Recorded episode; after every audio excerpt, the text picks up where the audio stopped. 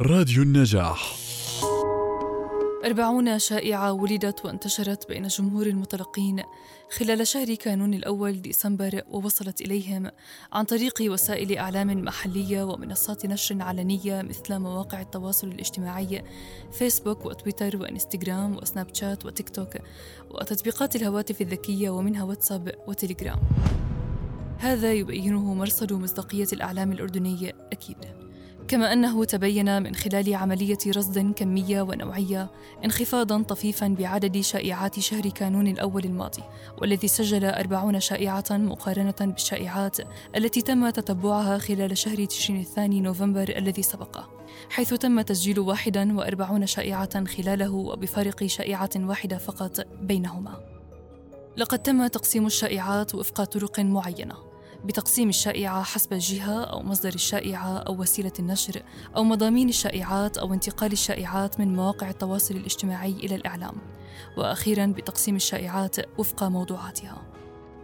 وإن من أكثر الشائعات التي انتشرت بشكل واسع وفقا للموضوعات كانت الشائعات الصحية التي تناولت موضوعات مختلفة مرتبطة بهذا المجال منها انفجار خزانات الأكسجين في مستشفى شرش وموت مواطن بعد تلقيه لقاح كورونا. ولقاح كورونا ليس مجانيا بعد اليوم. وشائعات الشأن العام والتي تتحدث عن الشائعات التي لها علاقة بالقضايا المتعلقة بالتربية، التعليم، التعليم العالي، القطاع النقابي والقرارات التي تخص الأعياد الرسمية والوطنية. والشائعات الأمنية التي تضمنت جندي أردني يطلق النار على دورية إسرائيلية وحظر جزئي بسبب أوميكرون. لنستمع معا لآرائكم عند تلقيكم للأخبار ما هي طريقتكم للاستجابة معها ولتفادي الإشاعات حولها؟ دايما أي أخبار بتطلع لازم إحنا نتأكد من المصادر الموثوقة مثل الجريدة الرسمية أو المحطات أو القنوات الإخبارية الموثوقة الرسمية من الحكومة. غير هيك ما ما بناخد من أي صفحات على الفيسبوك أو على أي إشي لأنه ممكن أحيانا بتكون مجرد لإثارة البلبل بالمجتمع. أولا بسم الله الرحمن الرحيم. يا أيها الذين آمنوا إذا جاءكم فاسق بنبأ فتبينوا أن تصيبوا قوما بجهالة فتصبحوا على ما فعلتم نادمين. رسالة من ربنا في كتابنا القرآن الكريم. آه، يجب أن تحكم عقلك في بعض الأخبار ويجب التأكد منها وعدم الأخذ من مواقع إخبارية آه، ليست معتمدة آه، لدى الدولة.